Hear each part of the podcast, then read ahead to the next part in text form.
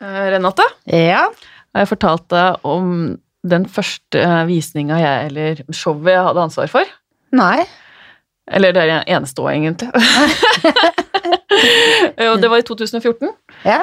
Så hadde jeg liksom en idé om et eh, hårshow, og da spurte Alf om vi kunne gjøre det. Og det var han positiv til. Så samla jeg gjengen da i Studio Alf, da.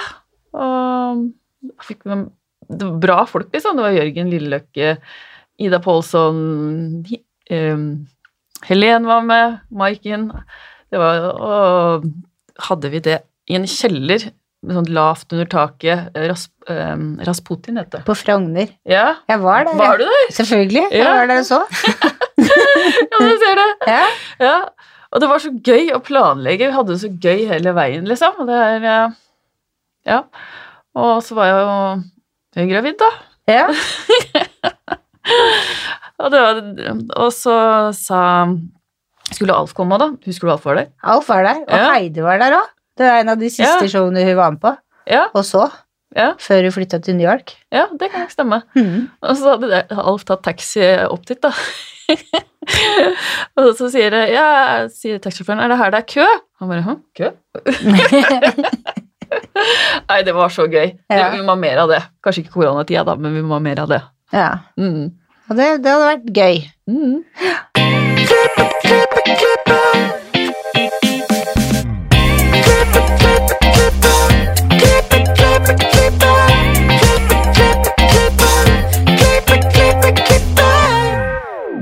Velkommen til Hårpodden. Jeg heter Renate. Jeg heter Anne-Marit. Ja, hvordan uka di vært, Ann-Marit? Veldig bra. Mm. Vi kan jo nå servere kaffe. Ja, Og det er te beste nyheten ever. Er det noe jeg savna, så er det det. Ja, virkelig. Det å få lov til å gi litt service. Og du får lov til å gi kjeks og sjokolade med papir òg. Mm, og Det også er deilig. Ja, det har vi. Masse. Bøttevis. Det følte, jeg glemte det første dagen, da. Det var liksom to siste kundene som bare Å, stemmer det, det kan det, da. For du kom jo liksom i den samme tralten. Ja. Ja, og så er det mange av kundene som ikke er vant til å få noe lenger, som bare 'Nei, jeg drikker noe kaffe, jeg kjøpte vann på veien', og det er bare sånn 'Hva, jeg vil gi kaffe'? ja, men det er deilig å få lov til å Være litt uh, mer serviceperson. Ja, ikke bare vaske. Så det er greit med den vaskinga, og det kan være en ekstra service, det òg. Mm. Men kaffe og te og Ja, det hører med, altså. Det gjør det. Få lov Ja. til å ta av de jakkene og liksom ikke bare vise de rundt, sånn Ja, og stå med hendene i lomma. Det har vært litt rart. ja det har det. Ja. Jeg syns det. Jeg er fortsatt ikke vant til å ikke håndhilse. Nei, men jeg har blitt litt på den sånn albuehilsen. Sånn, som spark i foten, men det er veldig rart. Jeg tar den der med hånda. Hei, jeg heter Ja. Marit. Den er fin, den òg. Ja. Nei, det er, det er mye som er annerledes. Mm. Men vi har med oss gjester i dag, vi. Mm. Og dagens gjester, de er to søstre. Begge to tok frisørutdannelsen på Sassoon i London, og så starta de å jobbe i hver sin by. Thea var i Oslo på White Studio, og Tara i familiebedriften på Sørlandet. Men i dag så jobber begge i familiebedriften Lucky Frisør, og de har vunnet flere priser, blant annet Årets frisørkonsern, Årets lærlingbedrift, Årets service og Årets handelsbedrift. Velkommen til oss, Tara og Thea. Tusen takk. takk. Hvordan starta deres frisørkarriere? Eh, Min frisørkarriere startet med at jeg egentlig alltid har hatt lyst til å gå inn i frisørbransjen og hatt en veldig fascinasjon for den bransjen, i og med at vi har vokst opp med det eh, hjemme med våre foreldre.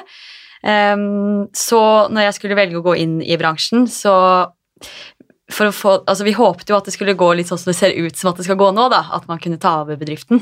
Og da hadde vi et lite familieråd, og da fant vi ut at det var lurt at jeg kanskje tok litt akademisk utdannelse også, da, i tillegg til frisørutdannelsen. Så da gjorde jeg det, så jeg tok en bachelor på BI eh, i markedsføring, Wow. eh, hvor jeg skrev veldig mange av oppgavene mine rettet mot frisørbransjen, da. Eh, så det var veldig gøy. Eh, og når jeg var ferdig der, så fant jeg ut at jeg trengte, eller jeg ønsket også å ha den faglige bakgrunnen, da. For det er jo dessverre en del eksempler i frisørbransjen og andre håndverksyrker hvor økonomer og andre som kanskje ikke har så peiling på selve faget, da, som kommer inn og skal bare effektivisere, og ikke tenker over at det er noen mennesker som står der og må spise litt og må på toalett osv. Så, videre. um, så det er jeg veldig glad for at jeg gjorde, for da har jeg både den akademiske bakgrunnen, men også den faglige bakgrunnen som jeg føler at gjør meg til en bedre leder da, for å drive en frisørbedrift som også er en håndverksbedrift. Mm. Oi, wow. Det var godt gjennomtenkt. Jeg er ja. ganske enig i deg, for noen ganger blir jeg litt lei av når det er noen som er eldre enn meg, som sier ja, den gang jeg jobba, da spiste vi ikke lunsj engang. Så Ja. da tenker jeg at det er flott for deg, men ja. jeg er sulten. Ja, det er noe med det. Eh, Man har godt av å spise litt, eh, Ja. selv om det dessverre skjer noen ganger før julen sånn at man ikke får gjort det. Men eh, det er viktig da, at man får i seg litt mat. Så. Det skjer i de to beste periodene, for det er før jul, og da spiser man også mye i juleferien. Og så er det mai-juni før bikinisesong. Ja, så da er det ikke så farlig ikke å få spist litt, egentlig. Nei, det er godt poeng det. Kanskje vi må selge inn det. Eh, I motsetning til Tara så ville jo jeg absolutt ikke bli frisør. Eh, Det var det siste jeg ville. Så når Tara var ti, da var jeg veldig glad i barn, så da fant vel vi ut sammen at eh, Tara skulle drive driften, og jeg skulle være hjemme og passe barna våre. Men eh, God ordning, spør du meg. så ble jeg litt eldre, da. Eh, Og mamma, de har, mamma og pappa har vært veldig flinke til å introdusere oss for frisørbransjen. Vi har begge jobbet der som ryddepiker siden vi var tolv, vasket hår og stått eh, i resepsjonen og gjort de vanlige tingene der. Og da fant jeg ut at jeg trivdes bedre og bedre innenfor faget, og det var en veldig spennende bransje. Så etter jeg hadde tatt studiespesialiserende etter, på videregående, så tok jeg da en, eh, gikk et halvt år på makeup på Tone Lise-akademiet her i Oslo. Og da når Tara var, hadde bestemt seg for at eh, det ble Sassoon Academy på henne, så var jeg også så heldig og fikk muligheten til å gjøre det med henne. Så vi dro, dro da sammen til London og gikk på frisørskole der i syv måneder. Oi, i syv måneder? Mm. Wow! Oi. Men hvorfor, hvorfor Sasun, liksom? Hva? Hvorfor ikke? Ja, ja, det kan du si. Nei, vi har jo alltid hørt mye om Sassoon. Eh, Det har jo, altså Pappas store drøm har jo egentlig vært å, å gjøre det vi fikk muligheten til å gjøre. Så vil vi jo kanskje anse det som at det er jo blant eh, verdens beste frisørskoler. Så da når de vil gi oss muligheten eh, til å reise dit, så syntes vi det var veldig stas og tenkte det her må vi jo bare gjøre. For en fantastisk mulighet, da. For noen foreldre dere er. Ja. Jeg vil også ha foreldre som sier sånn til meg. Vi er veldig glad i de da. De er Ja. veldig snille. Ja, alle skulle hatt foreldre som det. Ja. Men hvordan var det å være der? Var det sånne strenge disipliner, eller var det liksom Ja, det var jo eh, altså, Se tilbake på nå, da, så var det jo en, altså, Det var så bra. Eh, det er nesten så jeg har på en måte lyst til å kunne glemme det, så jeg kan gjøre det en gang til, for det var så inspirerende og så kult. Vi var så tett på alle lærerne, du kom tett på andre elever. Eh, men det var jo Jeg tror vi hadde vært der et par uker og klippet dukkehodet to-tre ganger før vi plutselig sto der med hver vår kunde. Tara skulle klippe en bob. og vi fikk jo da veldig tett oppfølging fra fantastiske lærere. Så det der å være på så tett plan med de, da Altså, du går Du er på heels med Mark Hayes. eh, de andre lærerne som er der, kommer liksom Ja, hvordan går det? Vi gikk jo under kategorien The Norwegian Sisters. Eh, for vi var vel de første fra Norge som har tatt den startfasen der på de syv månedene. Starte frisørutdannelsen der. Så nei, det var, eh, det var utrolig spennende, og vi hadde eh, vikar av Mark Hace på et tidspunkt når eh, ikke læreren vår kunne ha oss. Så det var, eh, det var utrolig gøy. Hvordan er han? Han var veldig jordnær og hyggelig. Eh, vi fikk jo også være assistenter for han under Salon International, hvor du ser han liksom i action. da hadde vi vært der i to uker. Ja. Nei, men Så vi går jeg ut, dette gidder jeg ikke å høre på. Så vi sto der med børster og bare veldig pent og pyntelig da, for å hjelpe Ja. han. Liksom. Det var, vi Står var der med sånn bobbypins og bare 'Hvilken vil du ha?' Men han var veldig hyggelig, og det som også var, de har jo litt mer sånn pubkultur der i England. Så på fredagene så møttes vi jo ofte på den lokale puben som lå rett ved. Og da var det jo flere ganger hvor vi var der og snakket med han, og, så han var jo vanlig menneske som alle andre, da. Bare ekstremt flink som frisør også. Så, Det som var veldig gøy med han, var at han selv etter så mange år da, Han, har jo, han er jo, regnes jo som Sasuns høyre hånd. Og selv etter så mange år, hvor, altså, hvor mange har ikke han undervist opp igjennom? da, Mm. Men allikevel så tok han også seg så mye tid da, til å lære oss opp og bli kjent med oss. Og ja, du merker at han virkelig har en lidenskap for faget. da. Eh, Så det var veldig fascinerende, egentlig, hvor, Mm. eh, må- altså, hvor gøy han fortsatt syns det var, da, selv Mm. etter så mange år med undervisning. Ja. Fy søren. Jeg Men selve den. Ja, det er litt sånn grønn igjen nå, føler jeg. Men så glemmer vi også litt nå som vi har fått det på avstand, da, hvor tøft det også var. Ja. Det var. Det var veldig tøft. Det var jo valgfritt eh, på lørdager, men vi tok jo i perioder, og vi tok jo veldig ofte og gikk på skolen på de lørdagene. Du skal jo lære deg alle uttrykk og fagspråk skal du lære deg på engelsk. Du skal eh, snakke med kundene på engelsk, du skal forholde deg til andre elever som Det var jo så veldig mange forskjellige nasjonaliteter og land som var der. Så, og forskjellige personligheter, så jeg er veldig glad vi, vi hadde hverandre. Vi sto jo ved siden av hverandre hver dag, var sammen hver dag i syv måneder. Og lente oss på hverandre. Og sånn som eksamen på slutten, det var jo 14 dagers lang eksamen. Oi. Eh, hvor det var én uke med klipp og én uke med farge. Hvor du sto med tre kunder hver dag og fikk karakterer ut ifra det. da. Så det var eh, veldig, veldig tøft. Men Sinnssykt gøy. ja, det angrer ikke et sekund. Jeg hadde gjort det hvert år hvis jeg kunne. Å, fy søren. Men åssen er det da når dere kommer tilbake, da? Må dere ha lærlingtid? Ja, eh, nå tok jo ikke Tara tok jo ikke lærlingtiden, du kan jo komme tilbake til det etterpå. Men eh, jeg eh, måtte Eller jeg har jo tatt eh, fagbrevet, eh, så jeg gikk først noen måneder hjemme i Arendal før jeg flyttet til Oslo på, og startet lærlingtiden min på et Studio der. Og den skolen er ikke godkjent som en lære, lærerskole I Norge. i Norge. ja. Så du får ikke skra fraskrive det på Nei, leitida? jeg fikk to måneder fraskrevet Ah, fra lærlingtiden. Ja. Wow. Men- og det- Verdens beste skole, og så får du Ja. to Ja. måneder? Men det var fordi at vi var de første nordmenn nå, da, så når vi spurte om det, så hadde de aldri hørt om denne skolen. Nei. Så det er klart at eh, kanskje nå i ettertid at det er det, da. Men jeg er enig, det var litt rart. Ja. har ikke hørt om skolen. Nei. ja, her i Norge, de som satt inne på Jeg vet ikke hvem som bestemmer dette her i Norge, men eh, de som eh, Sitter med makta. Ja. Skjønner. Mm. Så da fikk jeg jo to måneder fraskrevet der, da. Men det var det, var det jeg fikk. Så jeg fikk jo da en lang lærlingtid, men var jo på et fantastisk sted på White Studio. Og Tommy og Benedicte har jo selv, eh, som er sjefene og driver der, har jo selv vært rundt og holdt eh, kurs for Sasun. Så det var jo helt perfekt for meg å komme der eh, og fortsette med de som forsto alt hva jeg snakket om, da. Hvorfor valgte du å ikke s- og White Studio? Det var jo egentlig flere grunner til det, men hovedgrunnen var vel kanskje det å få erfaring fra et annet sted. Jeg har jo ikke hatt så veldig mange arbeidsplasser eh, annet eh, enn å jobbe for mamma og pappa. Eh, så det var jo greit å komme et sted hvor du også bare kan fokusere på lærlingtiden din, ikke fokusere på noe annet, og du vet at tilbakemeldingene du får er basert på, på deg, og ikke at du kanskje er datteren til sjefen, da. Ja, det Det er ikke sant? er et godt poeng. Ja. Å ha den erfaringen å komme hjem, og det å kunne glede seg da, til å komme hjem etter hvert og få jobbe hjemme. For det var alltid planen? Ja. ja. Det har jeg vært, vært veldig åpen med hele veien, så det har vært planen hele tiden. Men uh, din læretid Ja. Ja. Nei, altså, vi visste jo at eh, hvis det på en måte gikk sånn som vi trodde det skulle gå nå, da, så var det nok en sannsynlighet for at jeg ikke kanskje vil, måtte, klarte å fullføre læretiden min når jeg kom hjem, fordi at den var ganske lang, som dere nå har hørt. Em, men jeg kom jo hjem og jobbet da 50% som lærling og 50% med administrativt. Men etter en stund så fant vi ut at det fungerte veldig dårlig. Eh, For jeg hadde jo selvfølgelig samme arbeidstider som alle andre har, og da de dagene hvor jeg begynte ett og jobbet fra ett til åtte, da, så våknet jeg gjerne kanskje med en sykemelding eller et eller annet sånn tidlig på morgenen da, og ble jobbende hele tiden med det frem til jeg begynte på jobb som lærling klokken ett. Og så visste jeg at jeg kanskje måtte svare på en mail, eller, altså, så det ble veldig stressende. da, Mm. var veldig sånn, Det var to roller som var litt vanskelig å kombinere.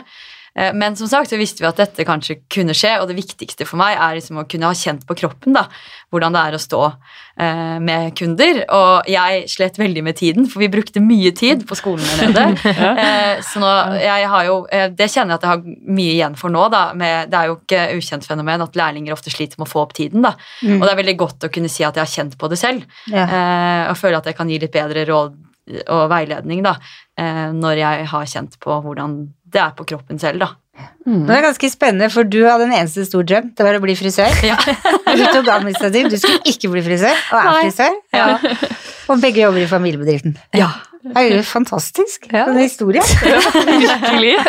Det er nok takket være foreldrene våre som har involvert oss veldig fra tidlig eh, stund da, og spurt oss om råd og veiledning, selv om de kanskje ikke alltid har tatt, eh, tatt eh, og gjort det som vi har sagt. Da, men de har involvert oss fra vi var veldig unge og hatt oss med på alle mulige frisørtreff, sånn Hår og skjønnhet, Årets frisør og altså, jeg, jeg husker ikke egentlig første gang vi var med på det engang, for vi var så små. Så det har jo gjort oss at vi har blitt veldig fascinert av bransjen, da. Så det er jo takket våre foreldre.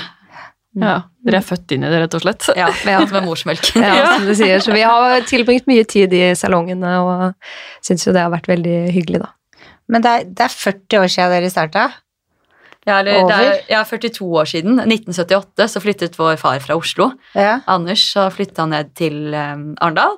Eh, og så skulle han egentlig selge smultringer i Arendal, alle ting. Eh, men åpnet da frisørsalong. Han hadde tatt frisørutdannelsen her i Oslo. da. Eh, så åpnet han salong der, eh, og jobbet hardt de første årene, sånn som han må når man åpner salong. Eh, og så møtte han mamma etter ca. ti år. Hun er fra Irland og jobbet som discjockey, som det het den gangen. De heter vel DJ nå. så kom inn i salongen, og så møttes de, og ja, det tok ganske kort tid da, før hun ble involvert i bedriften da, og jobbet som eh, ryddehjelp og resepsjonist. Og så har de sammen da eh, over flere år jobbet hardt og åpnet syv salonger. Og klart å skape den flotte bedriften som det er i dag. Ja. Men hva er konseptet deres? Eh, Musikk, smultringer, unger alle som kommer til oss, får smultringer. Ja. Sykt kul og, og musikk. god ja. musikk.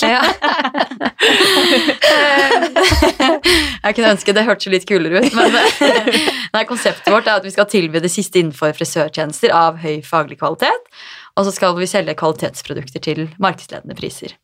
Og vår far har alltid vært veldig opptatt av kvalitet, og har alltid satt det som høyt eh, fokus, da.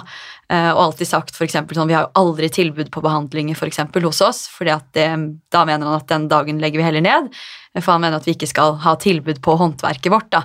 Så, og det syns jeg har egentlig vært en sånn fin Ja, filosofi som har vært med hele veien, at vi setter eh, faget vårt høyt, da. Men, men moren deres, blei hun frisør noen gang? Nei. Nei. Hun er bare en skikkelig racer, liksom businesswoman, ser, ja, løper rundt Vaskende og Duracell-kanin. Ja, veldig flink med mennesker, og det tror jeg har vært noe av suksessfaktoren vår, uten tvil. At hun er utrolig dyktig med mennesker, eh, god menneskekjenner, flink til å sette sammen gode team, og har en sånn eh, syvende sans, som vi sier, på sånn magefølelse. Hvis hun kjenner at nå er det et eller annet sånn uggen stemning i en salong eller noe, så er hun veldig flink på å bare gå rett på det og ta problemet med en gang. Så altså er hun veldig omsorgsfull. Mm. Vår far sier hun har denne irske omsorg, eh, omsorgen. Så hun er, eh, hun er litt sånn ekstramamma da, for veldig mange på jobb. Så uten tvil en, Det har vært en stor suksessfaktor for oss, den jobben hun har gjort med personalet personal hos oss. da. Mm. Men jeg likte veldig godt at dere har liksom én jobb i frisør, og én er den økonomiske. Det, for da er det liksom For det er jo Det kan sikkert du føle på, Renate, å liksom ha alt, liksom. Det blir jo veldig overveldende at man kan fordele det, da. Ja. ja. Ja. Absolutt. Vi, vi er jo egentlig heldige der, da, som har kommet til en størrelse som gjør at vi har mulighet til å ha de rollene vi har. At jeg kan jobbe som dagleder, og mamma kan ha ansvar for personal og innkjøp da, og økonomi. Eh, Vi er jo veldig heldige der, for det er jo som du sier, det er jo et lite problem i bransjen, og vil tro i alle andre håndverksfag eh, også, da. At man gjerne skulle så gjerne vært eh, alt og strekke til, men så står man jo med kunder selv. Så det er jo ikke alltid man får gjort det man skulle, gjerne skulle ha gjort, da. Mm. Så vi er veldig takknemlige for at vi har kommet til den. Ja, veldig. Og så har eh, både mamma og pappa vært, eh, vært utrolig der med at de på en måte klarte å ta det steget tilbake og si liksom vær så god, nå kan dere prøve å gjøre nesten det dere vil.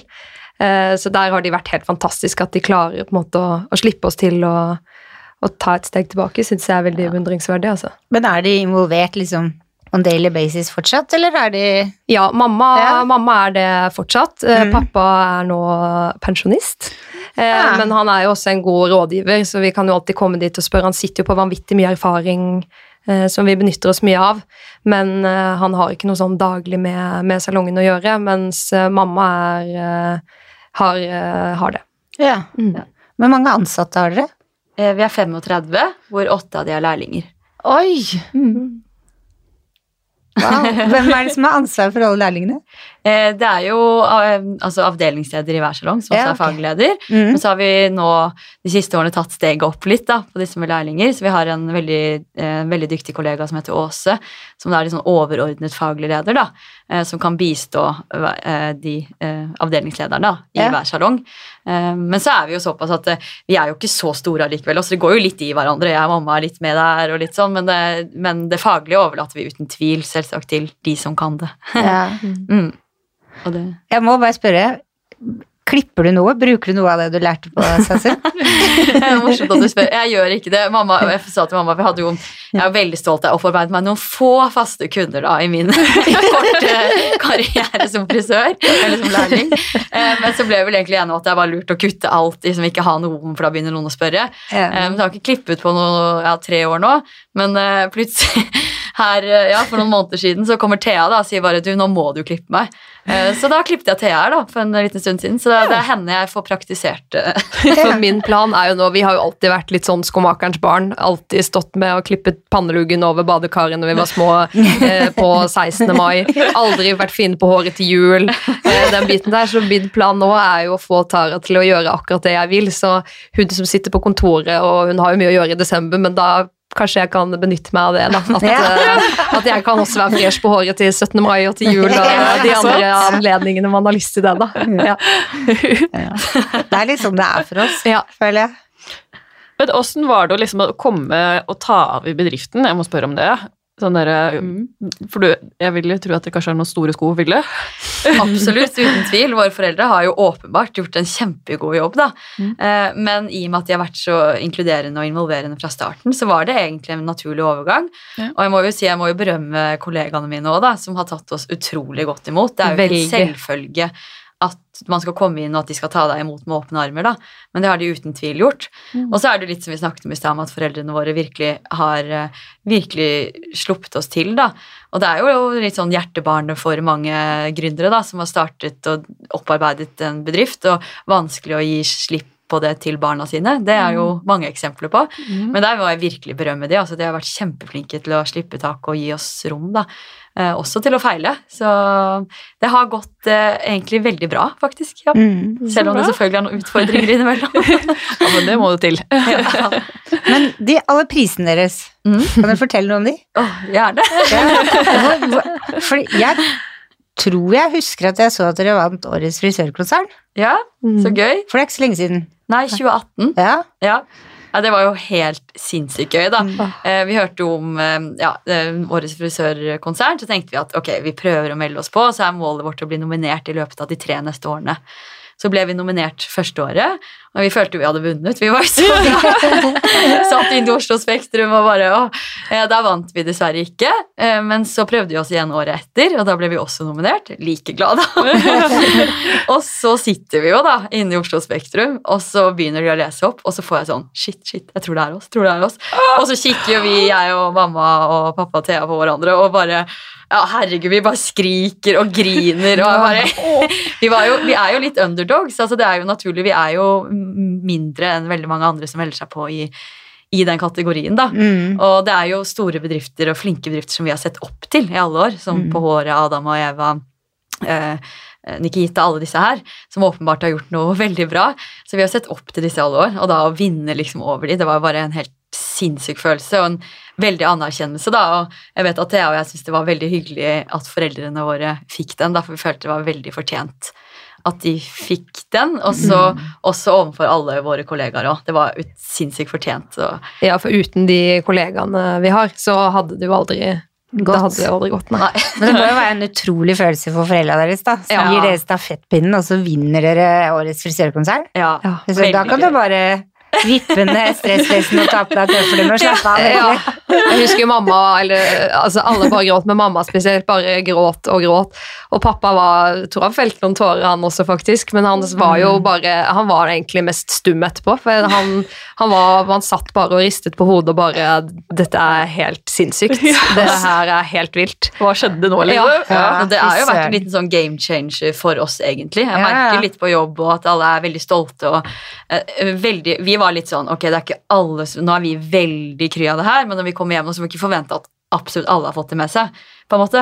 Men jeg har ikke møtt den eneste en jeg, som liksom ikke har fått det med seg, og hvor stort det er. Og, så det har jo virkelig virkelig på en måte, har vært en game changer for oss. da, og Mm. eh, løftet oss til et litt sånn videre nivå, tror jeg. Ja. Dere har satt dere på kartet, liksom. Ja, dere har jo det. Mm. Fy søren. Og da er han veldig glad han ikke begynte med smul smultringer. Ja. Årets smultringkonsern. Smultringen kommer til å følge oss nå. Eh, Men dere har jo vunnet flere priser òg. Ja. det har jo vært kjempegøy. Altså, de siste årene for oss har vært eh, ja, veldig veldig bra. da. Så når vi da etter vant Årets frisørkonsern, så var vi så heldige og eh, ble kåret til Årets lærebedrift i Aust-Agder. Det var veldig gøy, for vi har alltid satset veldig på lærlinger da, siden starten. Eh, og de siste årene nå kanskje tatt litt steget videre da, og prøver virkelig å gjøre vårt beste for å, at det skal bli bedre. da. Og da var det jo kjempegøy å få den anerkjennelsen der. Um, så det var jo veldig, veldig gøy. Um, men så kom det en veldig uventende melding, og det var jo i, på, ja, i høsten i fjor. Så ble, fikk vi beskjed om at vi var nominert til Årets service- og handelsbedrift. Eh, Blant 13 andre bedrifter. Og det var liksom Rema 1000 og Securitas og sånne ting. Så vi liksom sånn Jøss, det her var jo Ja, er hyggelig, på en måte. Men, Men eh, hvordan går det til? nei, det Hvordan blir er, man plukka ut til det? det er en jury da, som de Ja. leste opp, som har vært gjennom eh, Ja, så jeg vet ikke. De har i hvert fall tydeligvis blitt lagt merke til. Da. Det tror jeg vi Tilbake til det med årets frisørkonsern. Ja. Det, det er sikkert det som har gjort at vi har blitt lagt merke til. Da. Mm. Um, og, så, og da er man jo nominert blant altså 2000, eller um, totalt da, eh, av bedrifter som de kan velge mellom, så er det 2400 bedrifter. Oi, som da har 7600 avdelinger. ikke sant? Så Rema 1000 er en av de 2400 bedriftene. Og det vant dere. Og, ja, og så reiser vi inn, da, og våre foreldre de var eh, i utlandet og fikk ikke mm, dessverre booket om flybillettene, for alt skjedde på litt kort varsel. Så vi, Og så kan vi jo ikke legge skjul på at vi reiste jo også litt inn og tenkte sånn det, her, det er for vilt at dette kan bli Ja, vi vinner jo ikke det her, så- det skjer jo ikke. ja, så sitter vi der, da, og så, nei, så roper de oss opp. Det var jo bare helt Og da var vi litt sånn Hva skjedde nå, egentlig? Vi hadde foreldrene våre med på FaceTime, og Nei, det var jo helt sinnssykt. Ja, vi satt der helt målløse. Sånn, hva, skal vi opp på scenen, og hva, hva, hvem var hvor? Det, Hadde dere forberedt seierstalen? liksom. Nei. Ja, Jo, jo. Nei, på en måte. Vi var litt sånn, når vi kjørte inn, eh, så var vi litt sånn Ja, vi må kanskje gå gjennom hva vi skal si hvis det skjer. Så vi gikk ganske sånn lett og ganske fort gjennom det, da. Men heldigvis at vi hadde gjort det, for da hadde du på en måte Når du da var så sjokkert og tenkte at dette skjer ikke, og det skjedde, så var jeg i hvert fall glad for at vi hadde gått litt gjennom Ja. uh, hva Så man skulle sagt, da. Ja. Uh, Ja, Det var, det var Tusen sånn takk. ja. ja, vi var så målløse nesten at det var jo Ja. Mm. Så var jo- gøy. Så hadde vi med mamma og pappa på FaceTime, og de satt jo og gråt. Og Ja, det var veldig gøy. Fy søren. Det var litt stort. Her får du en historie. Herlighet. Blir det flere salonger? Eh, ikke nå, men det første. Nå jobber vi veldig med å ekspandere internt i salongene og utnytte uutnyttet potensialet der. Jobber mye med våre fokusområder, sånn som rebooking og varesalg osv. Så, videre, så vi tenker at vi kan heller på en måte gjøre hver salong og hver frisør da, så god som overhodet mulig. Og så kan man heller da eventuelt se på om det blir naturlig å ekspandere etter hvert da, med noen flere salonger. Men eh, som våre foreldre også alltid har sagt, så er det bedre å være best enn størst, da. Mm. Så vi fokuserer heller på det. Og så nå, så vi jobber veldig med det, har jobbet med det nå i noen år. Og så får vi se etter hvert om hvis det skulle åpne seg en naturlig mulighet, så kan det jo hende at man gjør det. Men eh, vi er ikke noe sånn Det er ikke planen, nei. Nei.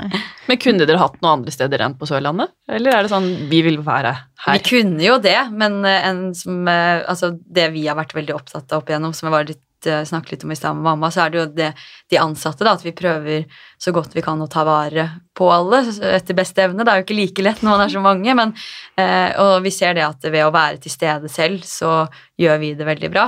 Så mm, jeg tror vi må nok tenke kanskje litt annerledes, da, hvis vi skulle Mm. ekspandert til andre byer hvor det ikke er like lett å kanskje reise til, da. Mm. Eh, I hvert fall sånn som vår måte, businessmodell egentlig blir i dag, da. Mm. Men hvilke produkter er det dere bruker? Det, ja. Nå eh, Vi fører eh, hovedsakelig Vella. Ja. Og så har vi også litt Bedhead og Fudge. Mm. Men uh, hovedsortimentet vårt er Vella.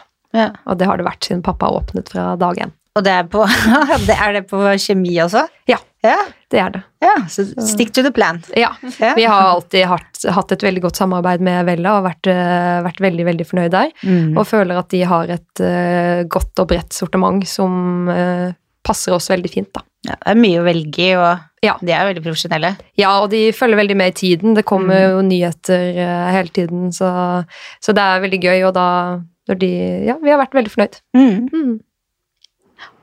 Spennende. Ja. Eh, Hva er deres frisørdrøm? Det er vel å klare å videreutvikle Løkke frisør og jobbe videre på det som våre foreldre har skapt. Eh, drive så godt som vi kan, ja. Eh, egentlig. Ikke Det er fall- kjøre det, ikke rusen da. Nei, det er det, da. Det har vært litt kjedelig. Så det er i hvert fall det er min store drøm, da. Ja. Og- Ja, å ha en arbeidsplass hvor eh, de ansatte trives og føler at de blir satt pris på, at de blir sett. da. Mm. Føler jeg, alt er veldig gjennomtenkt. Eh, Så gøy å høre. Ja, virkelig. bra. Det er vel fordelen med å ha en som kun driver administrativt òg, at Ja, jeg Ja. prøver jo i hvert fall, da. Altså. Ja. Kan jo helt sikkert alltid gjøre ting bedre, selvfølgelig, men eh, ja. Vi, Men det kan man jo alltid, men der har jo også mamma og pappa vært veldig flinke. eh, Det var vel etter du kom inn at det ble litt mer sånn konkrete fordelinger, men de har på en måte funnet sin vei og funnet hva som åpenbart har fungert veldig godt på Løkki. Eh, Og da har vi sett hvordan det fungerer og vet at okay, det er greit at man har litt forskjellige, forskjellige ansvarssteder, og at man ikke blander seg for mye, men selvfølgelig hjelper å komme med innspill, men at uh, man har litt sånn klare linjer om hvem som skal gjøre hva, hvem som har ansvaret for hva. Hvis ikke så er det jo fort at det kan bli litt eh, dårlig stemning rundt familiemiddagen. ja, vi har jobbet mye med litt rollefordelinger og sett, jeg har satt ting litt mer i struktur, da. Ja. Mm. Eh, og det var nok mye av det eh, årsaken til vi også vant Årets frisørkonsern, at eh, Mm. det har fungert, åpenbart. da. Av det å sette det litt i struktur og ja. Ja, der har du vært helt rå, og det vet jeg også at Ja, men at kollegaene våre også syns at de etter Tara kom hjem, så ble det det ble enda bedre, da, på Mm. noen områder. Ja, for det er vel det å bli årets frisørkonsert, det er ganske mye greier du skal igjennom. Å svare på og forsvare, og det, skal en gjennomtenkt plan. Du vil ikke det med Nei, hulter-bulter, liksom. jeg rev meg mye i håret, for å si det sånn. Jeg holdt på med det der, for det er veldig mye som skal sendes inn, som du sier. Ja. Eh, Fikk heldigvis god hjelp av vår regnskapsfører, og min samboer eh, hjalp meg veldig mye. Så, men eh, det, det var omfattende, ja. Jeg begynte liksom med intervjurunder på mamma og pappa og Thea og meg, og prøvde å sette litt sammen, og hva vil vi, og så, ja, så jeg gjorde det veldig grundig, da, men vi har fått veldig mye igjen for det siden. Mm. Så det vil jeg jo anbefale alle bedrifter og konsern å melde seg på der, for du, man, det er en veldig lærerik prosess da, å gå gjennom. Mm. Hvor lang tid bruker du på fra du får vite hva du skal svare på, til du liksom på en måte trykker send? Eh, Bare så jeg veit, Ja. hvis vi skal melde oss på noe. Eh, Nei, det er jo en del jobb. Nå har de gjort litt om på det nå. Eh, Nå får man først noen spørsmål som man svarer på, og så går man eventuelt da videre til neste runde. Ja. Hvor da svarer på Du må liksom lage ja, forretningsplan og markedsplan Mm. og personalplan osv. Og, så videre, og så får du eh, to skjemaer. Et som med personalopplysninger og et med økonomiske opplysninger. I tillegg til at du sender inn resultat og balanse. da. Um, så vi sendte inn alt det. Og så, uh, når, den, når vi vant, så var jeg også på intervjurunde inne i Oslo med juryen. Uh, aldri vært så nervøs i hele mitt liv. Jeg følte meg så liten da jeg kom. Og liksom, her kommer lille jeg, på en måte føltes i forhold til de andre vi var nominert med. da. Men uh, ja, jeg bare gikk all in og prøvde å gjøre så godt jeg kunne. Så åpenbart så Funka det? Ja. Fy Ja. søren. Så det var veldig gøy. Har du noen tips til uh, frisyrgründere som har en drøm om å starte salong? Ja, ja, det er et veldig vanskelig spørsmål, syns jeg. Men kanskje ikke, det er ikke undervurdere hvor mye tid det tar. da, Hvor mye tid det tar å bygge seg opp en kundekrets og bygge seg opp et navn. eh, At kunder blir vant til din salong. eh, Så at man vier nok tid til det. eh, Og det er klart at det er jo krevende perioder å jobbe som bedriftsleder. Man har av og til vanskelige situasjoner som man må løse. Så jeg tror det er veldig viktig. Så er det jo en litt annerledes eh, jobbhverdag da, enn hvis man kun står og jobber med kunder, når du har litt, litt mer ansvar. Og jeg vil jo si at man på mange måter er på jobb så å si nesten hele tiden. Du må på en måte være klar da, hvis det skulle være noe som skjer. Mm. Hvis du skulle forandre noe som helst på frisørbransjen, hva ville det ha vært? Det blir jo statusen, kanskje. Ja. Jeg syns det er veldig synd at ikke vi får opp statusen mer. Og jeg tror nok foreldre har mye skylden der. De anbefaler ikke barna sine å gå frisør, for det er, liksom- ja, det er visstnok dårlig betalt, og man får så mye muskel- og leddplager, da. Men det vet jo vi at det ikke stemmer. Mm. Og det syns jeg er et veldig godt eksempel, det som dere jobber med her i Hårpodden. da. At dere viser frem og løfter frem faget, og veldig allsidig, da, veldig mange mennesker. Og ikke kanskje bare alltid de som stikker seg litt sånn frem, da. Men Mm. at man får en veldig godt innblikk i det her. Så jeg håper jo at mange unge gutter og jenter som sitter hjemme og lurer på om de skal gå frisørveien, hører på disse, da. Jeg tror det er veldig bra. Um, men så tror jeg det har kommet noe godt ut av korona òg, da. Om man kan si det. For jeg tror jo virkelig frisør Det har vært helt forferdelig, men eh, jeg tror jo frisørbransjen virkelig har fått eh, hevet statusen sin da, etter det. Fordi eh, jeg tror ikke folk har skjønt hvor viktig frisører er faktisk eh, for de, eh, før nå hvor det faktisk har vært stengt. Det har jo aldri vært stengt før, liksom. Nei. Så det tror jeg har vært veldig bra. og Som dere vet, så har jo det, det har jo vært pratet om frisører i overalt. Alt av politikere, og det var jo mye frisør som gikk igjen på pressekonferanser og sånn, så det er godt å si at det kom noe godt ut av det. Ja, Ja. jeg er helt enig. Det I er, tillegg til at alle får vaske hendene. Ja, det er også et godt poeng. Og så viser også hvor gøy, eh, hvor gøy bransje er, og hvor mange muligheter man har innenfor bransjen. At Mm. uh, det er så mye mer enn å bare stå og klippe og farge i salongen. Det er, det er så utrolig mye morsomt du kan være med på. Du kan være med på konkurranser, du kan reise rundt i verden. Altså, det, er, det er mye mer til frisørfaget enn det å stå i en salong, da. Mm. det er det. Det er, ikke, det er uendelige muligheter, vil jeg Ja. si. Ja. Enig. Vi har fått et spørsmål fra en lytter. Oh, Frisørspirene. Råd til kommende frisørspirer. ja. Ja. Hmm. Um, da tenker jeg stå på. Være em, målbevisst på hva det du ønsker å gjøre. Um, jobb hardt. Ja, og hvis du tenker på altså, kanskje da sånn nye De som skal starte på frisørutdanning og sånt, da. Og ja, følge, finne et sted hvor du føler at eh, de ansatte ser deg, og hvor du trives, og hvor du også kan strekke til på Det er jo mye rydding og vasking som hører til med lærlingtiden, men også at du føler at du blir utfordret på, på de riktige områdene, og at du bruker den tiden til å utforske alt frisørbransjen har og byr på av eh, styling og farge og klipp, og prøv, bruk tiden og prøv og feil, og, ja, og følg magefølelsen og finn ut av hva du trives best med, da. Mm. Det var bra tips. Ja. Vi har noen faste spørsmål også, vi. Ja. Hva er deres must have til håret deres? For meg er det uten tvil Dry Me tørrsjampoen til eh, Vella, Amy. Den Mm. eh, kan jeg ikke leve uten. Og jeg er på Saltvann Spray, Ocean Spritz til ja, Vella Amy, da. Den kan ikke jeg leve uten med mitt glatte hår. Hva inspirerer dere? Altså, det er jo veldig mye den fine bransjen vi er i, og ikke minst de fine kollegaene jeg har hatt opp igjennom, både på White Studio og ikke minst de jeg har kommet hjem til nå, som har liksom tatt meg så godt imot og er gode på sine områder, og du kan se hvem som er flinke på hva, du kan suge til deg hva de er gode på, da, og prøve å flette det mer inn i hverdagen din. Og også det å dra på sånne morsomme frisøreventer og, og se andre inspirerende der, da. Mm, jeg er enig. Jeg syns også det er veldig spennende å se på idrettsutøvere og andre bedriftsledere da, som er dedikerte og jobber målrettet da, og får til noe. Det syns jeg er veldig gøy. Mm. Hvor er dere om fem år? Arendal. Forhåpentligvis så er vi der vi er i dag, bare at vi har klart å eh, ja, eh, videreføre den driften som vi driver med i dag, og kanskje forhåpentligvis har gjort det enda bedre. Tatt mer og mer over for eh, mamma, som jeg da skal avlaste litt etter hvert på personal og, og varer og produkter. Så, eller innkjøpsbiten, da. Så ja, kanskje avlaste henne litt mer også. Hvor finner vi dere på sosiale medier? Da finner dere, eller Lucky frisør, da. Da har vi på Instagram så heter vi Lucky frisor med ett ord. Og på Facebook så er det Lucky frisør. Enkelt og greit. Ja, tusen takk for at dere kom. Vi har kommet til veis ende.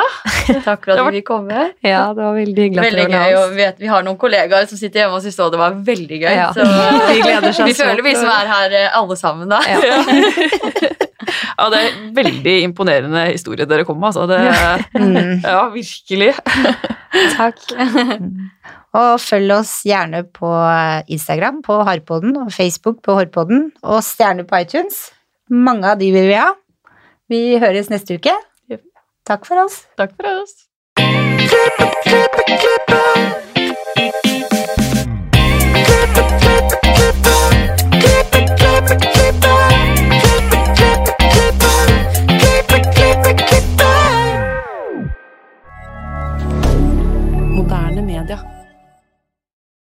Har du et enkeltpersonforetak eller en liten bedrift?